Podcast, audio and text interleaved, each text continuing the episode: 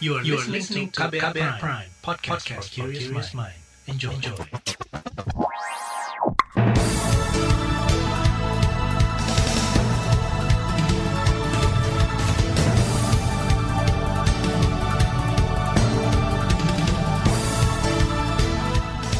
Selamat pagi saudara, senang sekali kami bisa menjumpai Anda kembali melalui program Buletin Pagi KBR edisi Selasa 26 Oktober 2021 bersama saya Ardi Rosyadi. Sejumlah informasi pilihan telah kami siapkan di antaranya Pemulihan ekonomi jadi sorotan dalam kinerja dua tahun Jokowi Ma'ruf. Presiden Jokowi ingatkan potensi lonjakan COVID-19 di Asia Tenggara dan pariwisata di Bali masih diminati meski ada syarat PCR. Inilah Buletin Pagi selengkapnya. Terbaru di Buletin Pagi. Kinerja periode kedua pemerintahan Jokowi Ma'ruf Amin yang berjalan dua tahun masih memiliki sejumlah masalah, terutama dalam upaya pemulihan ekonomi akibat pandemi COVID-19. Komisi yang membidangi keuangan DPR RI menyoroti rendahnya realisasi program pemulihan ekonomi nasional atau PEN di dua tahun kinerja pemerintahan Jokowi Ma'ruf Amin ini. Anggota komisi yang membidangi keuangan DPR Anis Biarwati menyebut hingga akhir Oktober realisasi PEN baru menyentuh 58 persen atau baru mencapai 400-an triliun rupiah dari pagu anggaran 700-an triliun rupiah. Padahal eh, PEN itu yang menjadikan alasan untuk kita mengambil defisit yang lebar kan, karena untuk membiayai klaster kesehatan, kemudian klaster perlindungan sosial, kemudian dukungan untuk UMKM, kemudian juga untuk anggaran prioritas dan insentif usaha. Jadi untuk lima klaster kan pembiayaan ini gitu. Dan kalau memang ini sampai akhir Oktober itu masih 58,3 ya ini patut dipertanyakan gitu ya. Jadi ini bagaimana sih sih kerjanya gitu. Padahal kan ini kan sudah mulai bergerak gitu ya masyarakat itu. Anies meminta pemerintah mencari cara merealisasikan anggaran PEN yang masih mengendap di sisa waktu dua bulan ini. Apalagi kata dia anggaran itu juga diambil dari utang negara yang kian melejit.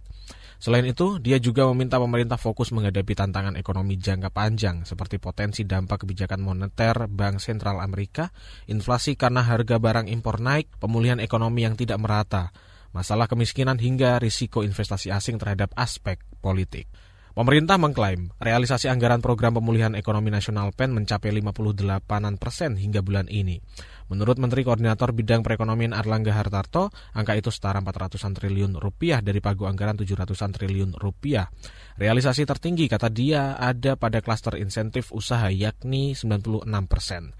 Sementara untuk klaster kesehatan, baru terrealisasi 54 persen. Nah, tentu uh, terkait dengan berbagai program, termasuk kartu sembako ini yang perlu juga uh, direalisasikan terkait dengan pembelian PPKM yang dua kali, yang rencananya di bulan Oktober dan November. Ditambah lagi ada tiga program khusus untuk penanganan kemiskinan ekstrim melalui kartu sembako. Air Langga menambahkan klaster program prioritas mencapai 57 persen, kemudian realisasi untuk klaster perlindungan sosial mencapai 67 persen. Realisasi terendah ada pada klaster bantuan UMKM dan korporasi yang baru mencapai 38 persen. Sementara itu Menteri Keuangan Sri Mulyani Indrawati menyatakan APBN telah bekerja keras memulihkan ekonomi akibat COVID-19. Sri Mul juga memastikan penggunaan APBN sangat efektif dan mencerminkan pemulihan ekonomi yang optimal. APBN kita bekerja ekstrim lihat, tapi juga ekstrimly efektif. Secara ekstrim bekerja sangat keras tapi juga efektif. Terbukti dari tadi pemulihan ekonomi sudah mulai berjalan, masyarakat yang dibantu mendapatkan bantuan, kemudian masalah kesehatan kita cover secara baik dan penuh dan kita harap untuk penanganan COVID akan terus berjalan baik seperti kita bisa mengendalikan varian Delta hingga saat ini. Ia menambahkan pertumbuhan ekonomi Indonesia bakal mencapai 4,3 persen dan ia merinci hingga September lalu defisit APBN tercatat mencapai 450 triliun atau 2,7 persen terhadap produk domestik bruto. Meski defisit pendapatan negara hingga akhir September 2021 tercatat mencapai lebih dari 1 kuadriliun atau naik 16 persen dibandingkan periode yang sama di tahun 2020. Sedangkan belanja negara hingga akhir September 2021 mencapai 1,8 kuadriliun rupiah. Lembaga Kajian Ekonomi Indef menyebut setidaknya ada empat masalah yang jadi hambatan pemulihan ekonomi. Menurut Direktur Eksekutif Indef, Tauhid Ahmad, hambatan itu mulai dari ancaman kenaikan kasus COVID-19 yang juga menimbulkan keterbatasan fiskal hingga kenaikan pengangguran dan kemiskinan. Kalau dalam situasi pemulihan terjadi peningkatan beban, masyarakat harusnya jangan dulu diberlakukan, termasuk misalnya PPN. Itu dalam situasi pemulihan dan sebagainya, ini sangat butuh. Uh, justru uh, insentif fiskal malah ini dibebani dengan kenaikan pajak gitu ya. Pasti semua akan terdampak, bukan hanya uh, pengusaha yang katakanlah tidak terjadi kenaikan, tapi secara ekonomi semua akan terdampak apabila pajak di satu sisi itu memiliki multiplier juga ke sisi yang lain. Tauhid juga meminta pemerintah mengesampingkan proyek infrastruktur yang manfaatnya rendah atau justru mangkrak dan dialihkan untuk penanganan virus corona. Indef juga mengingatkan pemerintah menjaga sektor moneter, terutama suku bunga dan mendorong kredit segera tersalurkan ke dunia usaha demi mempercepat laju pertumbuhan ekonomi, termasuk melanjutkan program bantuan sosial untuk masyarakat menengah dan miskin.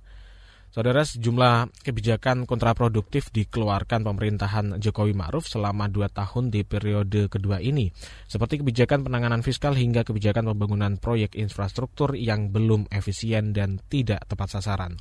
Pemerintahan Jokowi Ma'ruf juga dinilai tidak memperhitungkan dampak ekonomi jangka pendek dan jangka panjang, serta masifnya penambahan utang luar negeri. Tahun ini menjadi tahun ketujuh Jokowi dalam menjabat sebagai kepala negara. Adapun Jokowi resmi menjabat sebagai presiden pada periode pertamanya, yakni pada 20 Oktober 2014. Pemerintah sebut kasus COVID-19 meningkat di 105 kabupaten kota. Informasi selengkapnya akan hadir saat lagi, tetaplah di Buletin Pagi KPR. You're listening to KBR Pride, podcast for curious mind. Enjoy!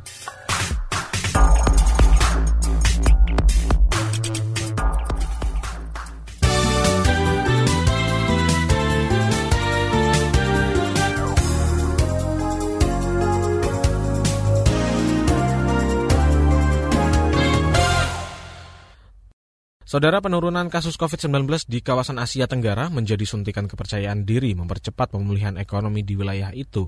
Meski demikian, Presiden Indonesia Jokowi tetap menginginkan tetap mengingatkan negara-negara di kawasan ASEAN terus waspada menyikapi peningkatan kasus virus corona di sejumlah negara. Dalam seminggu terakhir ini, kasus COVID-19 di kawasan ASEAN turun 14 persen, jauh lebih baik dibanding rata-rata dunia yang turun satu persen. Situasi ini dipastikan akan meningkatkan kepercayaan internal dan eksternal ASEAN untuk beraktivitas kembali dan akan mempercepat pemulihan ekonomi. Tetapi tetap menjaga kewaspadaan, mengingat adanya peningkatan kasus di beberapa negara. Presiden juga menekankan agar pertumbuhan ekonomi yang inklusif dan berkelanjutan di kawasan ASEAN terus dilakukan. Apalagi, kata dia, ASEAN tidak hanya ingin pulih kembali tapi juga ingin mencuri kesempatan dalam pandemi untuk melakukan reformasi struktural di tengah pandemi COVID-19. Sementara itu, pemerintah menyatakan terjadi peningkatan kasus COVID-19 di 105 kabupaten dan kota di Indonesia. Atas kondisi ini, Jokowi mewanti-wanti jajaran kabinetnya agar waspada terhadap ancaman gelombang ketiga COVID-19. Hal itu diungkapkan Koordinator PPKM Jawa Bali, Luhut Binsar Panjaitan saat rapat terbatas evaluasi PPKM kemarin. Hal tersebut berkaitan dengan adanya peningkatan kasus di 105 kota dan kabupaten seluruh Indonesia. Meskipun hal tersebut masih terkontrol dengan sangat baik. Tapi kami melihat ada indikasi naik turun naik turun itu. Tentu kita perlu waspadai. Makanya banyak nanti langkah-langkah yang kita lakukan. Terkadang mungkin dianggap terlalu ketat, tapi kita tidak punya pilihan. Luhut menambahkan Presiden Jokowi juga meminta jajarannya untuk terus memperhatikan kota dan kabupaten yang mengalami peningkatan kasus. Kata dia, pemerintah juga terus mengakselerasi vaksinasi, terutama untuk lanjut usia. Saudara upaya pemerintah Indonesia melobi kerajaan Arab Saudi agar jemaah umrah tak perlu menerima vaksin ketiga atau booster belum menemui titik terang. Menurut juru bicara vaksinasi COVID-19 dari Kementerian Kesehatan Siti Nadia Tarmizi, negosiasi mengenai booster masih terus berjalan sampai sekarang ini belum final ya. Yang sudah final itu karantina lima hari. Terus kita sudah menegosiasikan terkait dengan integrasi data, baik aplikasi Peduli Lindungi uh, dengan sistem haji maupun juga dengan sistem uh, yang ada di Arab Saudi ya. Nah, ya, kita baru sampai sana. Kalau untuk vaksinasi ini belum final diskusi dengan uh, pemerintah Arab Saudi.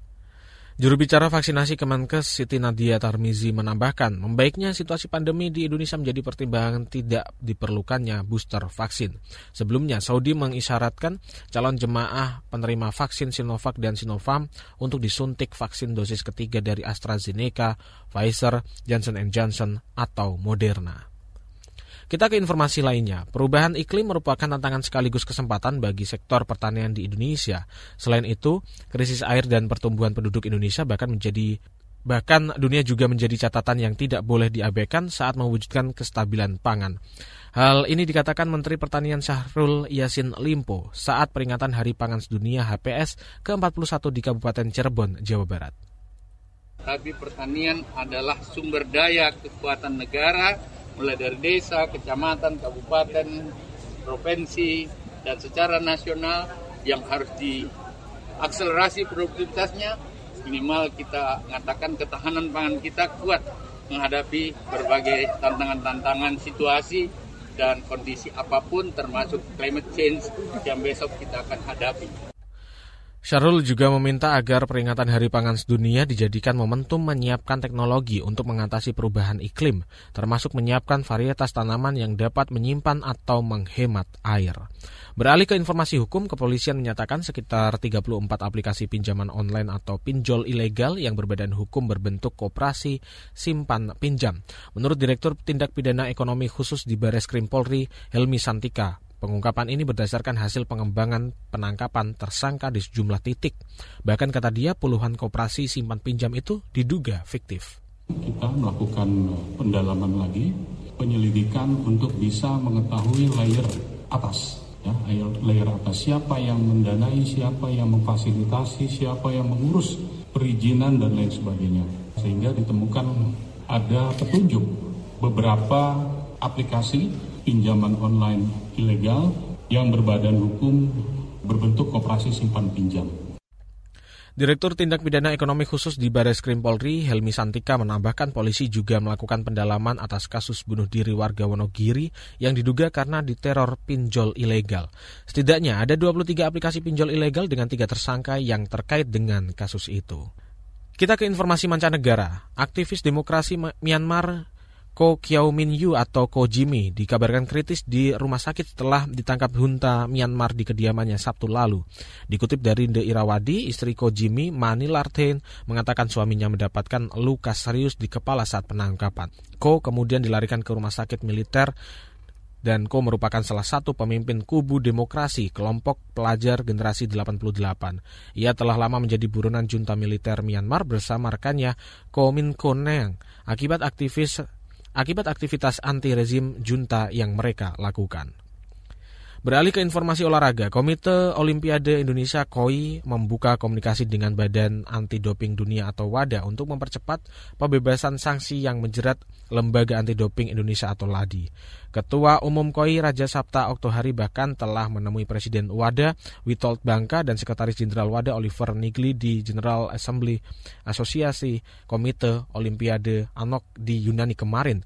Menurut Raja, penyelesaian masalah soal program pengujian anti doping yang sulit dilakukan lantaran tersendatnya komunikasi antara LADI dan WADA sebelumnya. Saat ini KOI melalui Satgas Pembebasan Sanksi WADA akan segera menyelesaikan 24 masalah itu sebagai syarat pencabutan sanksi. Di bagian berikutnya kami akan hadirkan laporan khas KBR bertajuk kontroversi tes PCR penumpang pesawat. Nantikan sesaat lagi. You're listening to KBR Pride, podcast for curious mind. Enjoy!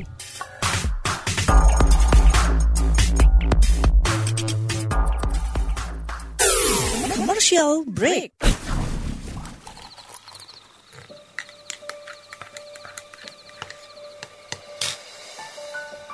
Hai, kamu apa kabar? Masih suka menikmati senja dan kopi? Aku masih ingat kebiasaan kita. Sehabis pulang kerja, selalu mencari tempat untuk sekedar ngobrol dan ngopi. Tapi kadang kita kehabisan bahan obrolan. Aku masih melakukan hal yang sama sampai sekarang, tanpa harus takut habis bahan buat ngobrol. Karena aku selalu mendengarkan KBR sore dari Senin sampai Jumat jam 4 sore. Ah, aku rindu.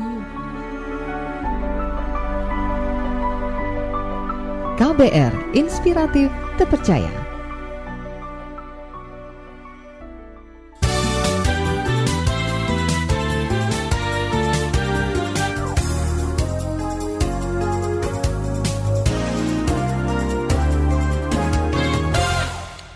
Terima kasih Anda masih bersama kami dalam Buletin Pagi KBR. Saudara, mulai pekan ini pemerintah memperlakukan wajib tes PCR bagi pelaku perjalanan menggunakan pesawat atau transportasi udara.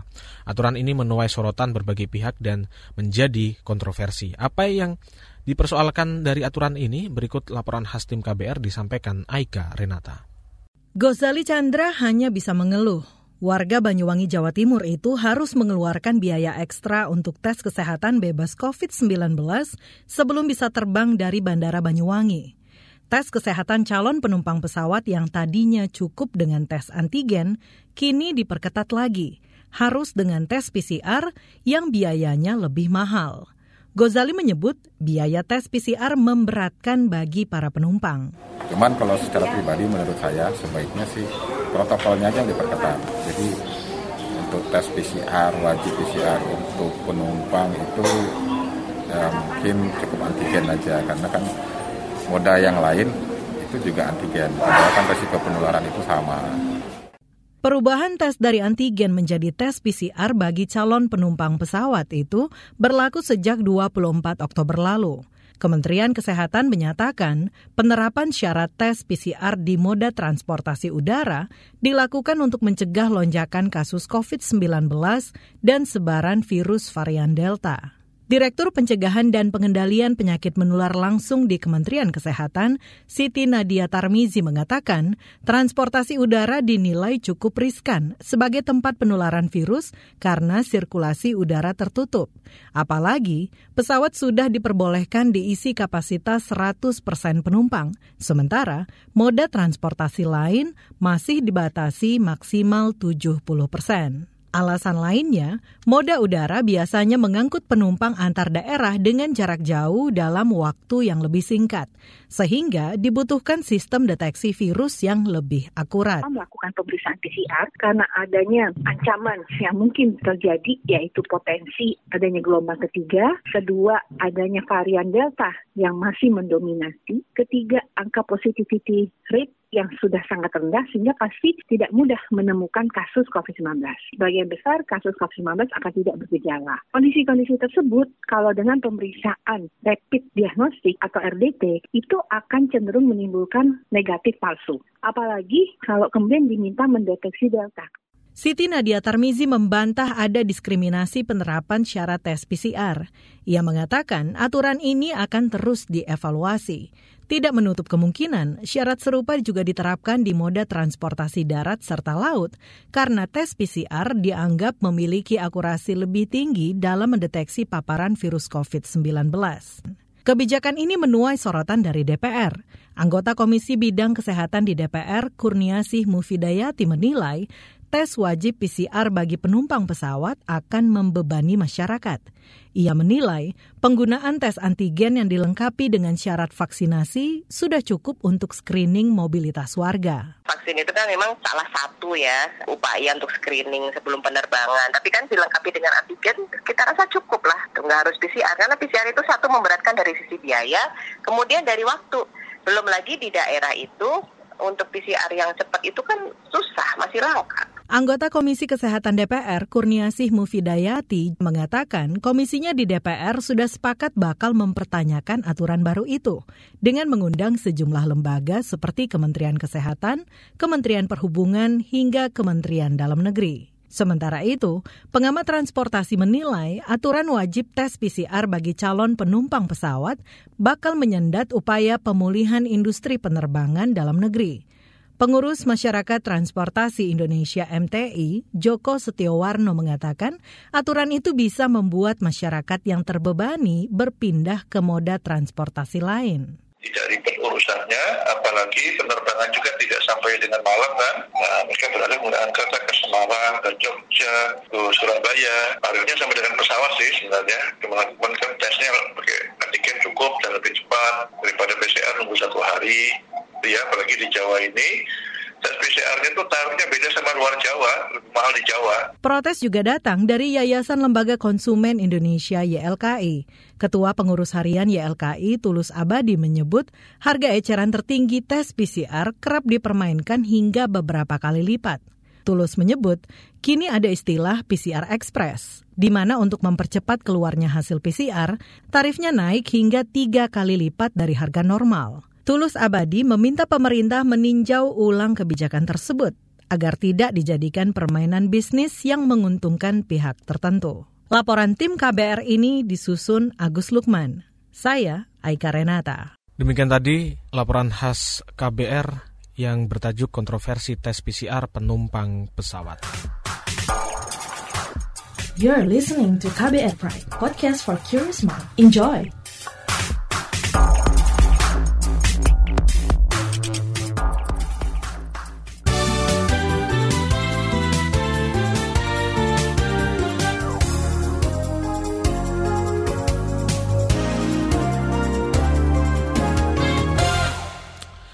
Inilah bagian akhir buletin pagi KBR dan pada informasi pagi hari ini kami sampaikan informasi dari daerah. Kami mulai dari kawasan Bali. Pariwisata Bali masih diminati wisatawan domestik dan mancanegara. Meski tes COVID-19 berbasis PCR menjadi salah satu syarat utama penerbangan. Hal itu diungkapkan Menteri Pariwisata dan Ekonomi Kreatif Sandiaga Uno menanggapi keluhan sejumlah pengusaha yang terlibat dalam industri penerbangan dan pariwisata di Bali minat untuk berkunjung ke Bali itu tetap tinggi. Tapi salah satu yang menjadi pertimbangan adalah uh, angka COVID. Kedua adalah fleksibilitas dan uh, tentunya cost uh, dan uh, keharusan yang kita mesti sekarang uh, kita harus patuh yaitu pengambilan PCR 3 kali 24 yang juga menjadi syarat uh, berkunjung ke Bali. Menteri Pariwisata dan Ekonomi Kreatif Sandiaga Uno menyatakan pemerintah akan merealisasikan ihwal batas waktu tes PCR yang semula 2 kali 24 jam menjadi 3 kali 24 jam. Kata dia, Presiden Jokowi juga telah merespon permintaan masyarakat dengan menurunkan harga batas tes PCR dari 400 ribuan hingga 300 ribu rupiah. Kereta ringan lintas rel terpadu atau LRT Jabodetabek Jabodebek mengalami kecelakaan di jalur layang ruas Munjul Jakarta Timur kemarin. Dua kereta LRT yang kecelakaan itu dilaporkan tengah dalam tahap uji coba dan tidak mengangkut penumpang. Kecelakaan kereta LRT itu terungkap lewat video yang diunggah warga. Salah satu gerbong terlihat terangkat. PT KAI dan PT Inka belum memberikan penjelasan terkait peristiwa ini.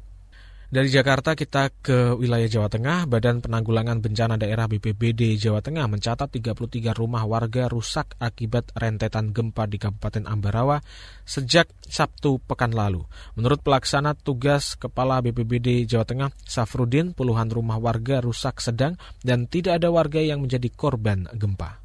Kan ada ini datanya ada 33 uh, rumah yang tercatat ya yang terdampak ada yang retak-retak ya sebagian sih sebagian besar uh, dampaknya adalah retak-retak. Yang itu tenda yang didirikan BPBD kalau nggak salah sekarang dua ya. Uh, satu di rumah sakit satu di sakit Ambarawa dari kemarin malam tujuh sudah di uh, apa namanya sudah didirikan teman pasien COVID yang ada di rumah sakit umum Ambarawa, RSUD Ambarawa juga sudah dievakuasi. Ada tiga pasien Pelaksana tugas Kepala BPBD Jawa Tengah Syafruddin menyebut telah mendirikan dua tenda darurat di Rumah Sakit Umum Ambarawa dan mengevakuasi pasien COVID-19 di rumah sakit tersebut. Selain itu, pemerintah Kabupaten Semarang juga mendirikan tiga tenda darurat untuk mengakomodasi warga yang takut tinggal di dalam rumah. Kita ke wilayah Provinsi Jawa Barat. Pemerintah Provinsi Jawa Barat berkelebihan atau surplus vaksin COVID-19 sebanyak 1,2 juta dosis. Menurut Kepala Dinas Kesehatan Jawa Barat Nina Susani Nina Susana Dewi, kelebihan vaksin ini akan digunakan mempercepat cakupan vaksinasi kalangan lanjut usia masyarakat rentan, umum, dan remaja. Sampai tanggal 10 Oktober, kalau kita lihat di sini total distribusi vaksinnya sudah diberi oleh pemerintah 35 juta 800 ribu dosis dan yang sudah disuntik untuk 17,9 juta orang. Artinya hampir 18 juta orang yang telah disuntik baik dosis 1 maupun dosis 2. Tapi realisasinya vaksin yang diberikan itu baru terpakai 74,58 persen. Artinya masih ada vaksin 1,2 juta yang ada di, di Jawa Barat. Kepala Dinas Kesehatan Jawa Barat Nina Susana Dewi menambahkan saat ini ada 9,1 juta vaksin yang belum terpakai. Rencananya, kata dia, sebagian dari vaksin yang belum terpakai itu akan digunakan untuk vaksinasi dosis kedua. Informasi dari Jawa Barat menutup jumpa kita di Buletin Pagi hari ini. Pantau juga informasi terbaru melalui kabar baru situs kbr.id, Twitter kami di akun @beritaKBR serta podcast di alamat kbrprime.id. Akhirnya saya Ardi Rusyadi bersama tim yang bertugas undur diri. Salam.